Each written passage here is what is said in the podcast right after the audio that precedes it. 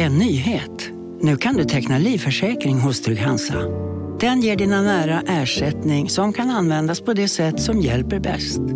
En försäkring för dig och till de som älskar dig. Läs mer och teckna på trygghansa.se. Trygg Hansa. Trygghet för livet. Hej, Susanne Axel här. När du gör som jag och listar dig på en av Krys vårdcentraler får du en fast läkarkontakt som kan din sjukdomshistoria. Du får träffa erfarna specialister, tillgång till lättakuten och så kan du chatta med vårdpersonalen. Så gör ditt viktigaste val idag, listar dig hos Kry. Okej hörni, gänget! Vad är vårt motto? Nej, allt är inte alltid som du tror. Nu täcker vårt nät 99,3 procent av Sveriges befolkning baserat på röstteckning och folkbokföringsadress. Ta reda på mer på 3.se eller i din 3-butik.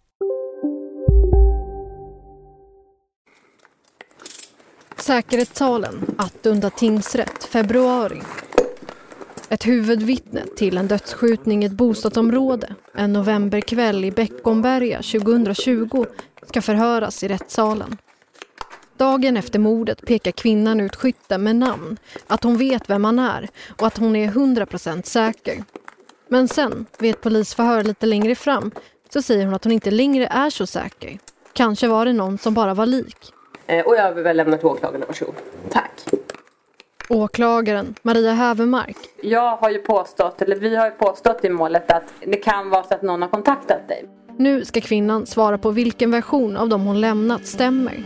Om skytten är samma person som just nu sitter i rättssalen. Eh, kan du berätta hur minns du, hur minns du dig idag? I veckans avsnitt av Säkerhetssalen. En ny lagändring gör att videoinspelade polisförhör kan spelas upp i rätten. Åklagaren vill spela upp ett förhör där en misstänkt pekas ut. Försvaret vill spela upp ett annat där vittnet drar tillbaka sina uppgifter. Nu det är det ju premiär för den här förhörsformen som vi prövar här i tingsrätten idag. Frågan om den krypterade kommunikationsplattformen Anom blir återigen en viktig del av bevisningen med invändningar från försvarare. De var ju avgörande för att jag skulle väcka åtalet. I fallet där två barn blev skjutna i Visätra väcker domen reaktioner. Ja, det, det är en besvikelse, givetvis. Det här är Säkerhetssalen, det tredje förhöret. Säkerhetssalen görs tillsammans med Nodio, en app dedikerad till dokumentära ljudberättelser. Ladda ner den i App Store eller Google Play. Jag heter Lova Nyqvist Sköld.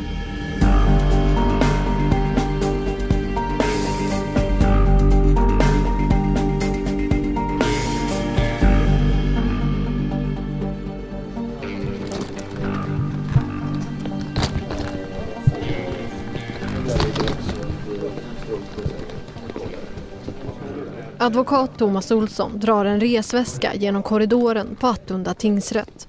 Inuti ligger en förundersökning på några tusen sidor. Han har tre olika storlekar på resväskor. Det här är hans minsta. Allt material finns digitalt men han, likt några andra advokater, har en vana av att ha saker och ting på papper. Det är alla hjärtans dag. Dagens förhandling drog över tiden. Det har börjat bli mörkt ute och det är stilla i tingshuset utöver den grupp människor som nu lämnar en av säkerhetssalarna och rör sig mot utgången. Thomas Olsson har just hållit sin slutplädering för sin klient som är misstänkt för mord där en 21-åring sköts ihjäl med flera skott på nära håll. Fyra andra personer är också tilltalade. Rättegången som nu närmar sig sitt slut handlar om ett mord, en misstänkt flyktplan som planeras på ett café och krypterade chattkonversationer om att hota ett ögonvittne till tystnad. Men det börjar på en vändplan i Beckomberga i Bromma i november 2020. En 21-årig kille kör in i ett bostadsområde och stannar till. Han har stämt träff med någon. Maria Hävermark är åklagare och förundersökningsledare för utredningen. Tänkbart motiv som vi menar att vi har fått fram i utredningen det är ju då att eh, det här eh, offret är på platsen för att lämna över narkotika till någon som vill köpa narkotika. Eh, så att han är, som vi tror då, mer eller mindre ditlurad eh, i en fälla eller vad man ska säga. 21-åringen hoppar ut. Kvar i bilen sitter en kvinna i passagerarsätet. När de stannar där då så kommer det fram en person eh, och så blir det bråk Kvinnan i passagerarsätet berättar senare i förhör att en man kommer fram och skjuter 21-åringen med flera skott. Han försvinner sedan iväg. Flera grannar ringer polisen som kommer till platsen och håller ett första förhör med kvinnan. Så sa hon att hon inte hade sett så mycket av vad som hade hänt. Men sen så dagen efter så hörde hon av sig till polisen och ville berätta mera. Eh, och var rädd och ville ha skydd och sådär av polisen. Eh, och det förhöret, där pekar hon ju ut skytten. Eh, och, och säger hans namn och förklarar vem han är och var han bor och lite sånt. Så därför så eh, blir ju han misstänkt genom det förhöret och det är då som eh, jag fattar beslut om att han ska anhållas i frånvaro och sen börjar man söka efter honom. Men den misstänkta skytten, en 23-åring, har vid det här laget lämnat landet. Bilder från övervakningskameror från ett köpcentrum visar hur två andra personer, som nu också är tilltalade, träffas dagen efter mordet. Enligt åklagaren är syftet med mötet att planera hur de ska få ut 23-åringen ur landet. En 40-åring står åtalad misstänkt för att ha satt ihop planen att föra 23-åringen först till Tyskland med bil och sen vidare mot Irak. Ytterligare en tilltalad person är misstänkt för att ha hjälpt till med resan, bland annat för att ha bokat ett hotellrum. 40-åringen är också misstänkt för anstiftan till grovt vapenbrott för att ha gett uppdrag till en annan tilltalad som enligt åklagaren körde 23-åringen till mordplatsen den kvällen att gräva ner och sen göra sig av med mordvapnet. Den 23-åriga misstänkta skytten blir internationellt efterlyst och polisen försöker hitta honom. Då vill kvinnan som satt i bilen, huvudvittnet, genomföra ett nytt polisförhör. Hon har då placerats i ett boende av BOPS, brottsoffer och personskydd. Hon ifrågasätter varför, eftersom hon inte ser vilken hotbild som finns mot henne. Hon säger också vid det här förhöret att hon inte är så säker på vem som var skytten. Att det var någon som var lik den som hon pekade ut tidigare, men att hon inte kan säga om det var han. Förhörsledaren frågar då om någon har kontaktat henne, hotat henne eller erbjudit något för att hon ska ändra sin berättelse. Och nu så, så, så tar du tillbaka saker som du har sagt tidigare. Och vi har att, att, att, det finns en hotbild mot dig och din familj. Hon säger absolut inte och att det hade hon inte accepterat. Hon säger att hon inte vill peka ut fel person och när hon namngav skytten tidigare var det för att hon var i chock. Maria Hävermark igen. Och då fortsatte jag utredningen i alla fall, därför att jag visste inte varför hon ändrade sig, eller jag visste, jag visste ingenting runt omkring, men jag tänkte ändå att eftersom det första förhöret eh, var så som det var, så, så eh, hon verkade så säker, så tänkte jag vi måste ändå få in honom och höra honom mot det här. 23-åringen blir till slut gripen i februari 2021 i Frankfurt och sen överlämnad till Sverige där han blir häktad. Men bevisningen räcker inte och Maria Hävermark beslutar några månader senare att lägga ner förundersökningen. Ja, men jag, jag gjorde bedömningen när jag la ner, så, så vet jag att jag sa till polisen, vi behöver någonting mer. Det, det här räcker inte. Ett vittne som sedan har ändrat sig. Eh, och i och för sig någon som då flyr från landet efteråt. Det, det, är, ju, det är ju tecken liksom, som tyder på att allt inte är som det ska, men det räcker inte tyckte jag. Eh, och då, då, då, sa jag till polisen, det minns jag, för de kanske, vi var inte helt kanske överens just då eh, om det. Vad som sen blev något mer var anomchattarna. Polisen får tillgång till information från den krypterade kommunikationsplattformen och kopplar ihop de misstänkta med olika användarnamn på Anom. Köttfärs, Sergio, Mario och Soldier är några av dem. Och utredningen återupptas. Bilden klarnade allt eftersom när, när vi fick de här meddelandena. På ett helt annat sätt än vad det hade blivit om, om vi bara hade vittnes, vittnesförhöret då från platsen. Jag tyckte att det föll på plats eh, lite grann. De var ju avgörande för att jag skulle väcka åtalet. Bland chattarna finns konversationer mellan anomanvändare som enligt åklagarsidan handlar om förberedelser att hota huvudvittnet till tystnad. Brottsrubriceringen är alltså stämpling till övergrepp i rättssak. Enligt åklagaren är tre av de tilltalade, bland annat 23-åringen själv, delaktiga i konversationer som handlar om att skada någon som kallas för Vargen och Lammet. Enligt åklagaren så är det här smeknamn på kvinnan som satt i bilen. Här läser Maria Hävermark tillsammans med sin kollega upp konversationer i rättssalen. Finns fem andra startklara på henne överallt. Jag tror första steget ska vara en attack mot den familjen. Länka mig med din vän där eller någon som har info om Shunos familj. Man gör en attack där för de sätter press på vargen vargen får en varning. Mario skriver, men tydligen hon har fått vittnesskydd, skriver Köttfärs. Mario skriver, bror tycks så synd och alla, att man vill gå den vägen, ha ha ha. Har folk inte lärt sig än vad som sker, ha ha ha. Och så svarar Köttfärs, valla bror, det är synd men det är hennes fel, haha. Det är bättre så bror, det är hennes fel. Och då svarar Mario, kolla bara Hallonbergen. 2017 mördades ett par i Hallonbergen där mannen skulle vittna vid en rättegång. Konversationerna tycks mynna ut i att en av personerna i chatten ska träffa och prata med den som de kallar vargen och dennes familj. För det som Sergio säger sen här i de här chattarna är, är ju precis att Sergio verkar träffat vargen, man chillade och fikade så, så det verkar ju fått en, eh, ett fredligt slut. Samtliga av de fem tilltalade nekar till brott. En av dem, som är misstänkt bland annat för att ha hanterat mordvapnet, berättar under rättegången att han använt den anomtelefon som åklagaren påstår, men i perioder, inte hela tiden. Enligt åklagaren har den mordmisstänkte 23-åringen använt sig av två alias, något han själv nekar till. Thomas Olsson invänder sig också mot användningen av anom som bevis. För min del så är det ju uppenbart att eh, den här åtgärden som inhämtningen av anom och även Encrochat för den delen, det, det sätt som det har skett på strider mot eh, den procedur som ska tillämpas.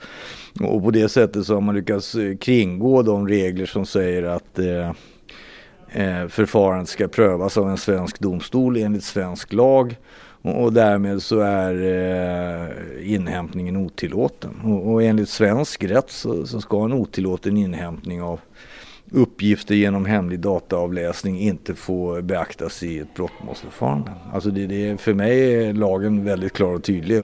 Thomas Olsson pekar på domar från Göteborgs tingsrätt där de landat i slutsatsen att anominsatsen saknade laglig grund i Sverige och anses vara en provokativ åtgärd.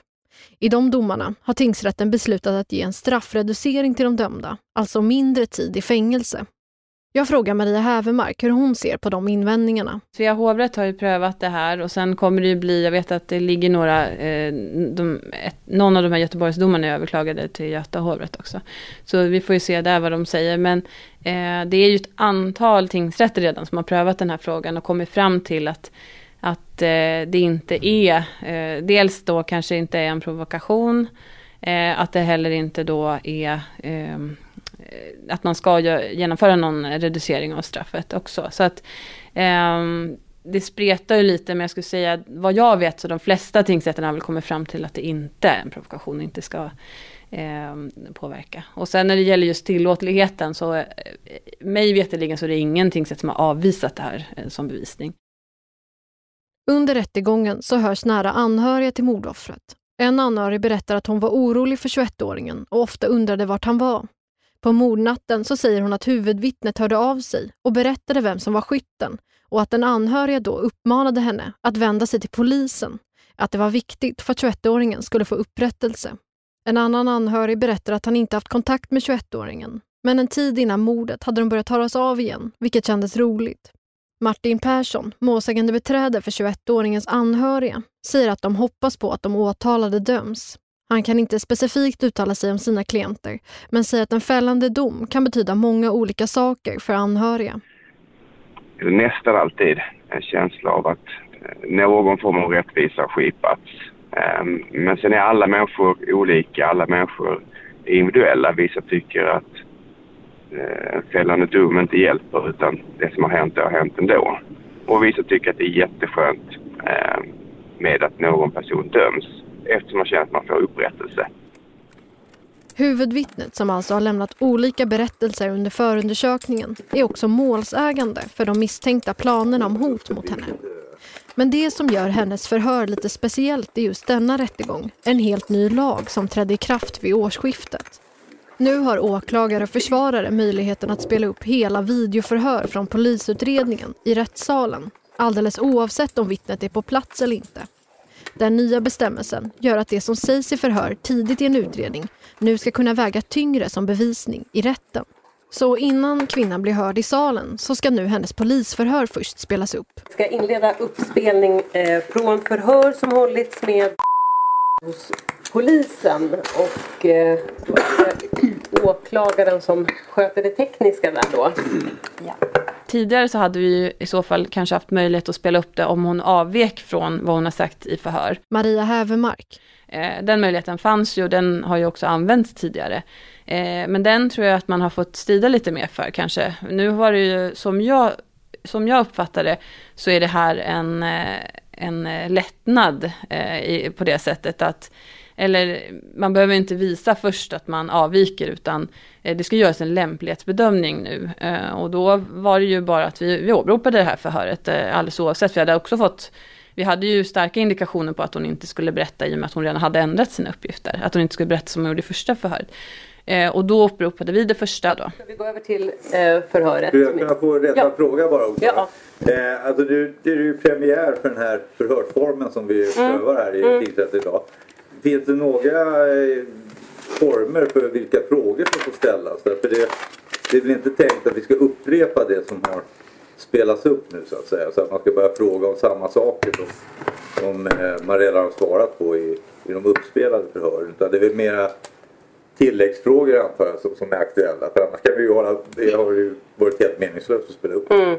Eh, nej, jag ser det mer som i, i formen av ett, det, det, är ju premiär om man säger, men, men alltså, jag ser det mer som i formen av ett slags liksom, tilläggsförhör. Ja. Eh, vilket ju blir i speciellt i det här fallet när två förhör så här har spelats upp. Men, eh, Försvarsadvokat Thomas Olsson. Det, det som gjorde det här fallet ännu mer speciellt var att både åklagaren och försvaret la ju fram eh, förhör eh, därför att försvaret motsatte sig att åklagaren skulle få lägga fram sitt förhör men om åklagaren tilläts det så skulle försvaret få lägga fram ett annat förhör med samma person som innehöll motsatta uppgifter till det första förhöret och, och det accepterade ju tingsrätten. Så, så, det gjorde ju situationen ännu lite mer komplex i, i just det här fallet.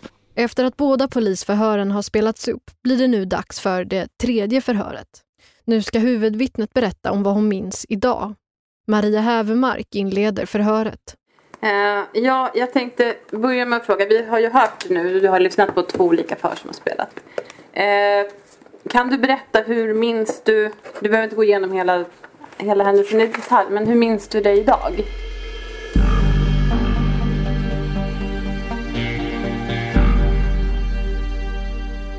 Nya avsnitt av Säkerhetssalen kommer varje torsdag. Varannan vecka är i form av bonusavsnitt.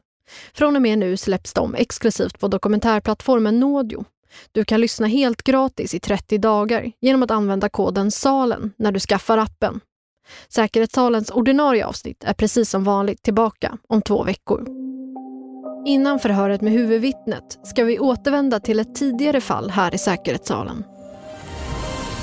Nu om skottlossningen i Visättra i Flemingsberg söder om Stockholm. De barn som träffades av skotten är fem och sex år gamla och enligt uppgifter till Expressen rör det sig om en pojke och en flicka.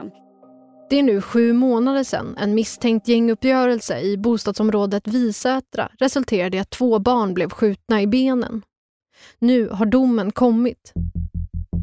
I grunden är det tre olika delar av det här målet. Först ut en grov misshandel där flera personer kommit till platsen i en röd Volvo för att sedan ha misshandlat den man som är målsägande.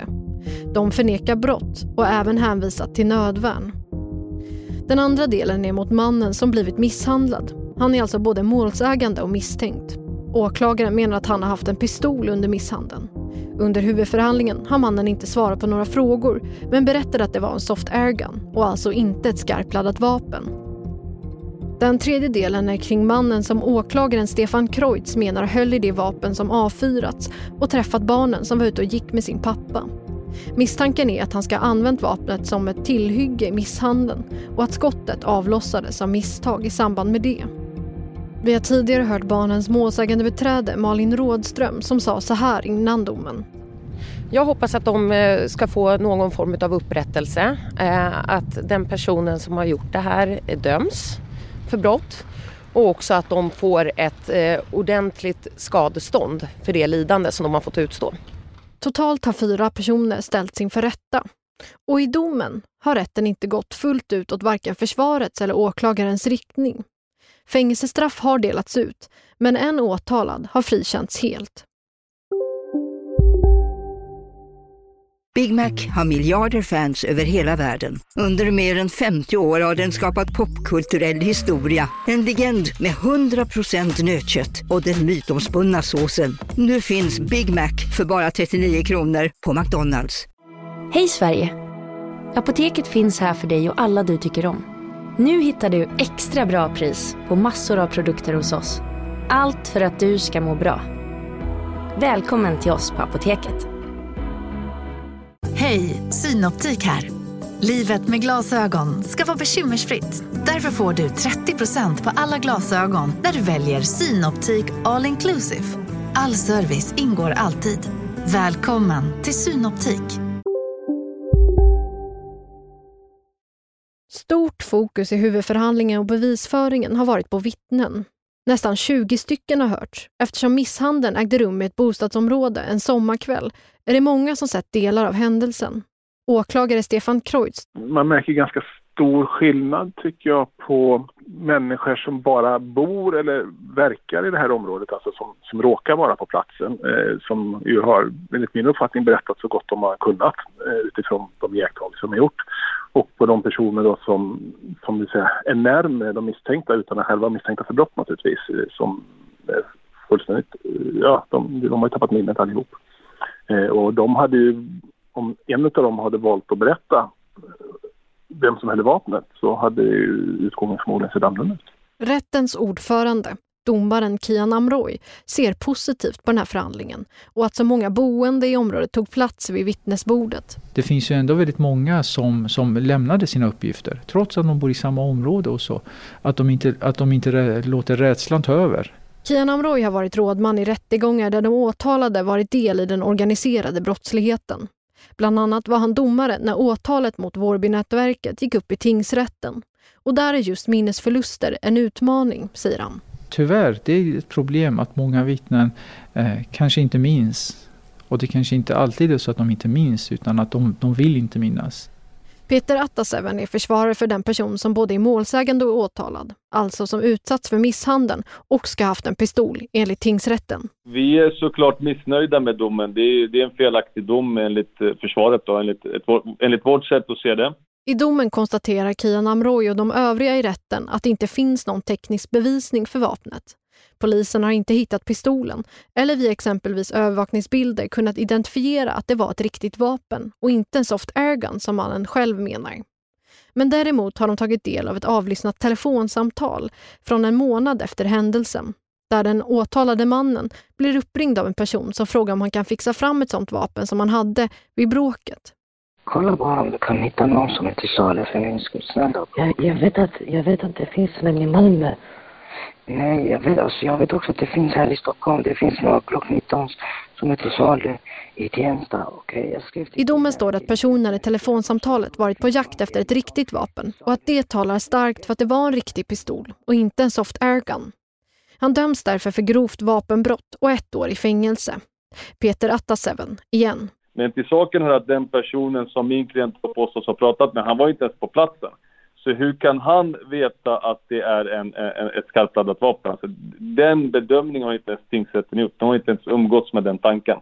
Så att jag anser att, att utifrån ett samtal där det inte explicit framgår att, att vapnet har varit skarpladdat, eh, det anser jag liksom, det, det, är för svag bevisning och där tycker jag att tingsrätten har varit fel.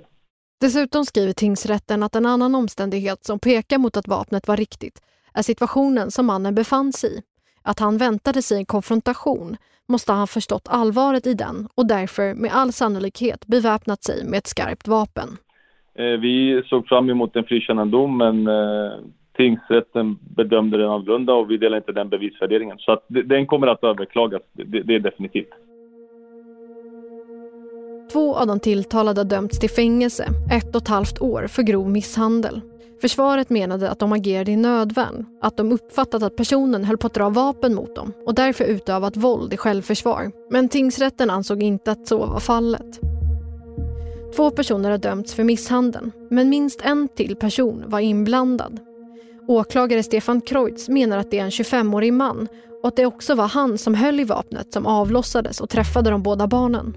När jag läst domen kan jag konstatera att eh, tingsrätten har ju samma uppfattning om, som mig i alla delar egentligen vad som har hänt och, och hur det har hänt. Förutom att de då anser att man inte kan utesluta att det var en annan person på platsen som, som hällde vapnet.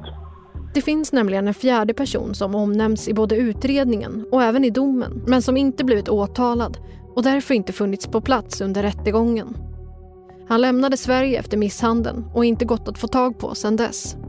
Utredningen visar att han, 25-åringen och de två männen dömda för grov misshandel tillsammans åkte i den röda Volvon. Mestadels består bevisningen kring vem som hållit i vapnet som avlossats av vittnesuppgifter. Och rätten menar att de flesta signalement som getts stämmer in både på 25-åringen och mannen som lämnade landet. I bilen har exempelvis en väska med magasin hittats. I den fanns DNA från båda männen. Så rätten menar att den tekniska bevisningen inte heller kan ge någon klarhet i vem av dem som hållit i vapnet under misshandeln. Åklagare Stefan Kreutz säger att den fjärde mannen är misstänkt men att de inte haft möjlighet att förhöra honom. Min uppfattning var ju när jag väckte åtal och är nog fortfarande att jag inte tycker att jag... Jag förstår hur tingsrätten resonerat men jag, jag har ju en annan... Jag tycker man ska bedöma bevisningen. Eller tyckte i alla fall att man skulle bedöma eh, vittnesmålen lite annorlunda och att man kan utesluta honom. Men det är ju tingsrätten som bestämmer. Tingsrätten har bestämt att en alternativ gärningsman alltså inte kan uteslutas och samtliga åtal mot 25-åringen ogillas. Han frikänns alltså från grovt vapenbrott, grov misshandel och grovt vållande till kroppsskada på de båda barnen. Det här innebär också att barnen i det här läget inte får något skadestånd för sina skador. Mina klienter i det här målet är ju två barn eh, som inte har något med den här situationen i fråga att göra eh, och som har blivit utsatta för ett mycket allvarligt brott. Det här är målsägande beträdet Malin Rådström igen. Och rent generellt eh, så vill man ju inte något annat heller att den som är ansvarig för det här händelseförloppet lagförs. Så det är givetvis en besvikelse när det blir en friande dom. Malin Rådström var inte den enda som blev besviken. Efter att domen föll hände en ovanlig sak.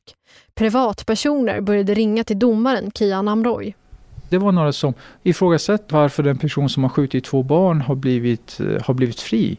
Men när, när de här personerna fick då en förklaring av mig till hur vi har resonerat och hur bevisningen sett ut. Så sa de, ja, ja, ja då förstår jag. Då förstår jag domen. Eh, tack så mycket. Eh, förvånar mig lite, för jag trodde att det skulle bli lite jobbigare samtal. Men det blev inte så. När jag pratar med åklagare Stefan Kreutz funderar han på att överklaga domen. Eh, jag har inte tagit slutligt beslut än, det är mycket som talar för det kan jag säga. Men eh, jag ska ha ett möte med mina utredare också och se om det finns kanske någonting ytterligare man kan göra för att förtydliga då vem, vem som håller i vapnet. Eh, och, och sen ska jag ta slutligt beslut om jag ska klaga eller inte. Men som sagt var, det är ganska mycket som talar för det naturligtvis. Domen mot 25-åringen kan alltså komma att överklagas och därmed få en ny prövning. Oavsett kommer vi också få höra mer från domaren Kian Amroy, bland annat om hans roll under huvudförhandlingen. Så ställer man inte frågor i ett förhör, nämligen nej, det gör du inte alls. Eh, då fick vi avbryta förhöret för att eh, klarna ut spelreglerna. I nästa veckas bonusavsnitt pratar vi med Kian Amroy om det och hur det är att se hans tingsrättsdom mot Vårbynätverket testas av hovrätten.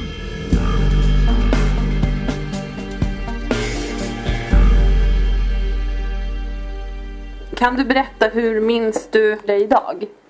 Tillbaka till förhöret med huvudvittnet under mordrättegången som äger rum i Attunda tingsrätt.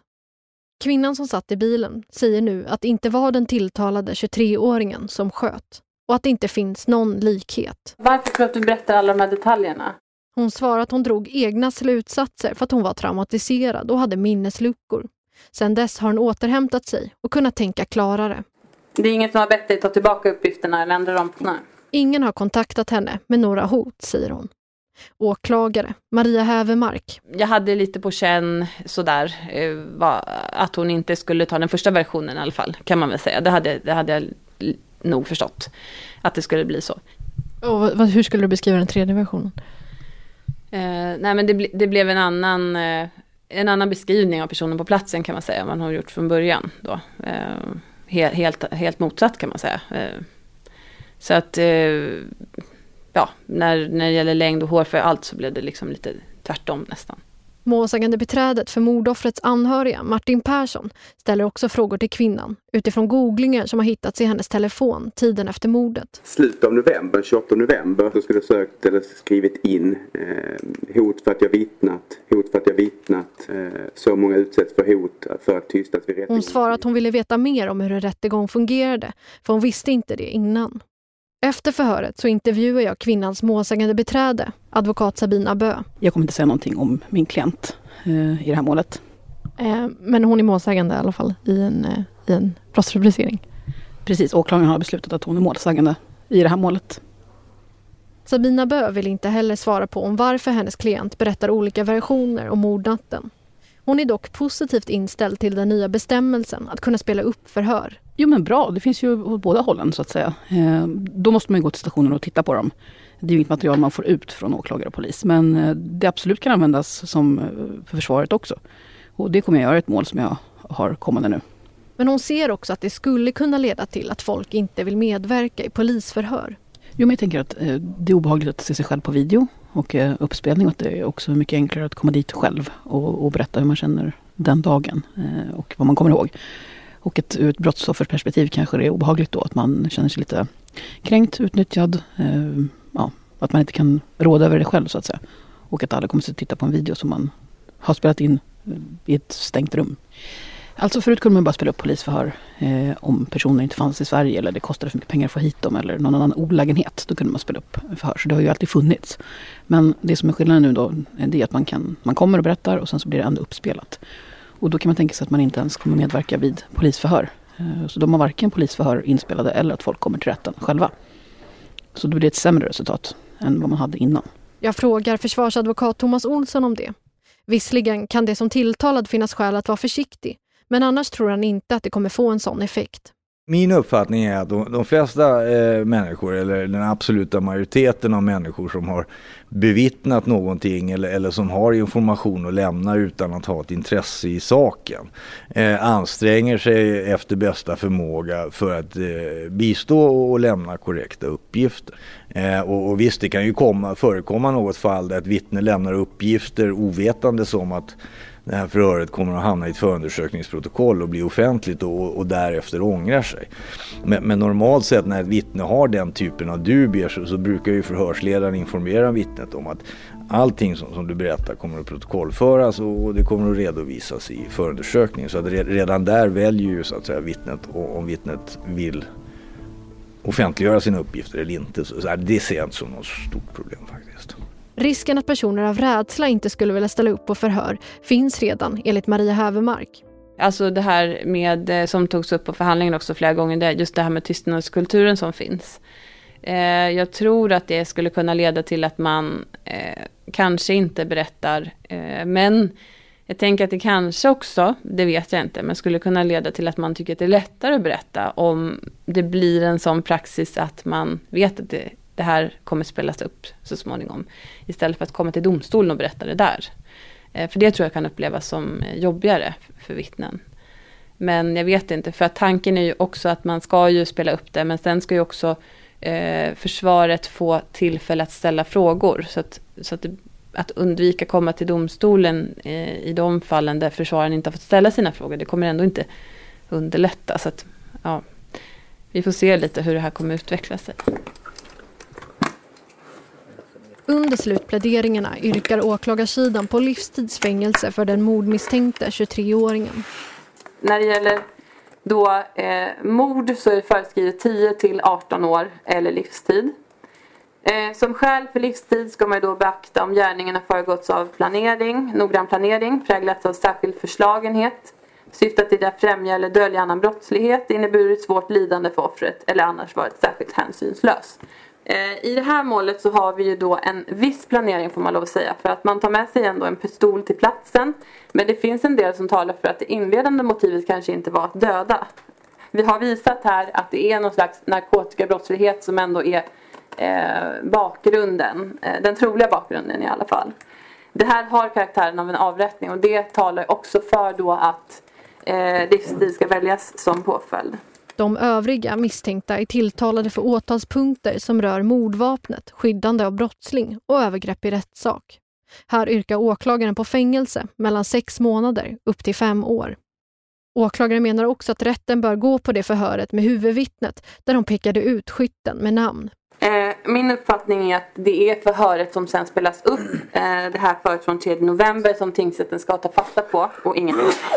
Eh, hon berättar också att hon ropar hans namn till honom. Hon säger hans namn och ser hans ansikte. Hon beskriver hans ansiktsuttryck, hur arg han är, hur upprörd han är. Hon beskriver också ett detaljerat händelseförlopp som hon till och med ritar en bild över. Samtliga försvarare yrkar på att deras klienter ska frias. Och Thomas Olsson säger att det snarare är det andra förhöret med vittnet som rätten ska ta till sig. Och då handlar det om vad är det man ska pröva i den här situationen? Är det de uppgifter som personen lämnar muntligen i rättegången? Är det det första förhöret eller det andra förhöret? Dels finns vissa anmärkningsvärda uppgifter i det första förhöret. Uppgifterna har ändrats och modifierats och i viss del tagits tillbaks i ett annat förhör och personen i fråga bekräftar att, att det var fel uppgifter som lämnades i det första förhöret så, så kan inte det tillmätas eh, fullt bevis i, i en, eh, i en mordrättegång. Det, det borde ju säga sig själv. När rättegången är avslutad prövar tingsrätten om de tilltalade ska förbli i häkte. Så då avkunnar tingsrätten följande beslut. Totalt är fyra häktade och det förblir så. Tack för dessa dagar. Tack för Du har ju en häktnings... Eh, det var en överläggning här om häktningsfrågan. Ja, men det är det ju alltid. Det är, det är ju obligatoriskt så att det, eh, det säger ju ingenting om vad slutresultatet kommer att bli. Utan det får man ju först när överläggningarna har slutförts.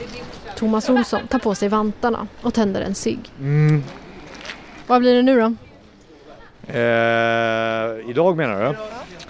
Eh, ja, en sväng in till kontoret kanske. Kolla på posten. Och sen en cigg på det. En cigg på det också. Det blir spännande. Ja. Får vänta några dagar och se när överläggningarna är klara. Lycka till med Ja men detsamma, vi ses! Här skulle avsnittet kunna ta slut. Men det finns en kort sak till som jag vill nämna om den här utredningen först. Under processen så upptäcktes en jävsituation. En hel advokatbyrå stoppades från att jobba med fallet. Tidigt under förundersökningen deltog en advokat vid ett polisförhör för att försvara en person som då var misstänkt. Advokaten hade starka släktband till personer vars namn nämndes under förhöret. En av dem var 23-åringen som nu är åtalad för mordet. När det här upptäcktes efter polisförhöret så begärde åklagaren en ny försvarare och meddelade att hela advokatbyrån var jävig. Den utpekade advokaten säger i en kommentar till Aftonbladet att han inte kände till att anhöriga var misstänkta för brott i det skedet och vid tiden för polisförhöret bedömdes det inte finnas någon intressekonflikt. Åklagare Marie Hävermark har ännu inte fattat ett beslut om hon ska anmäla advokaten till Advokatsamfundet. Vi kommer fortsätta följa det här och om det tas vidare, berätta om det i säkerhetssalen.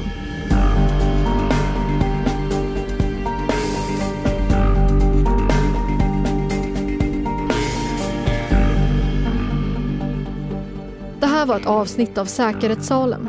Podden produceras av tredje statsmakten Media för dokumentärplattformen Nådio. Nyhetsklippet du hörde kommer från Aftonbladet. Nästa veckas bonusavsnitt släpps exklusivt på Nådio. Använd koden SALEN för att lyssna en månad helt gratis. Ljudtekniker för det här programmet är Fredrik Nilsson, producent Anton Vretander, ansvarig utgivare är Mark Malmström Fast. Jag heter Lova Nyqvist Sköld.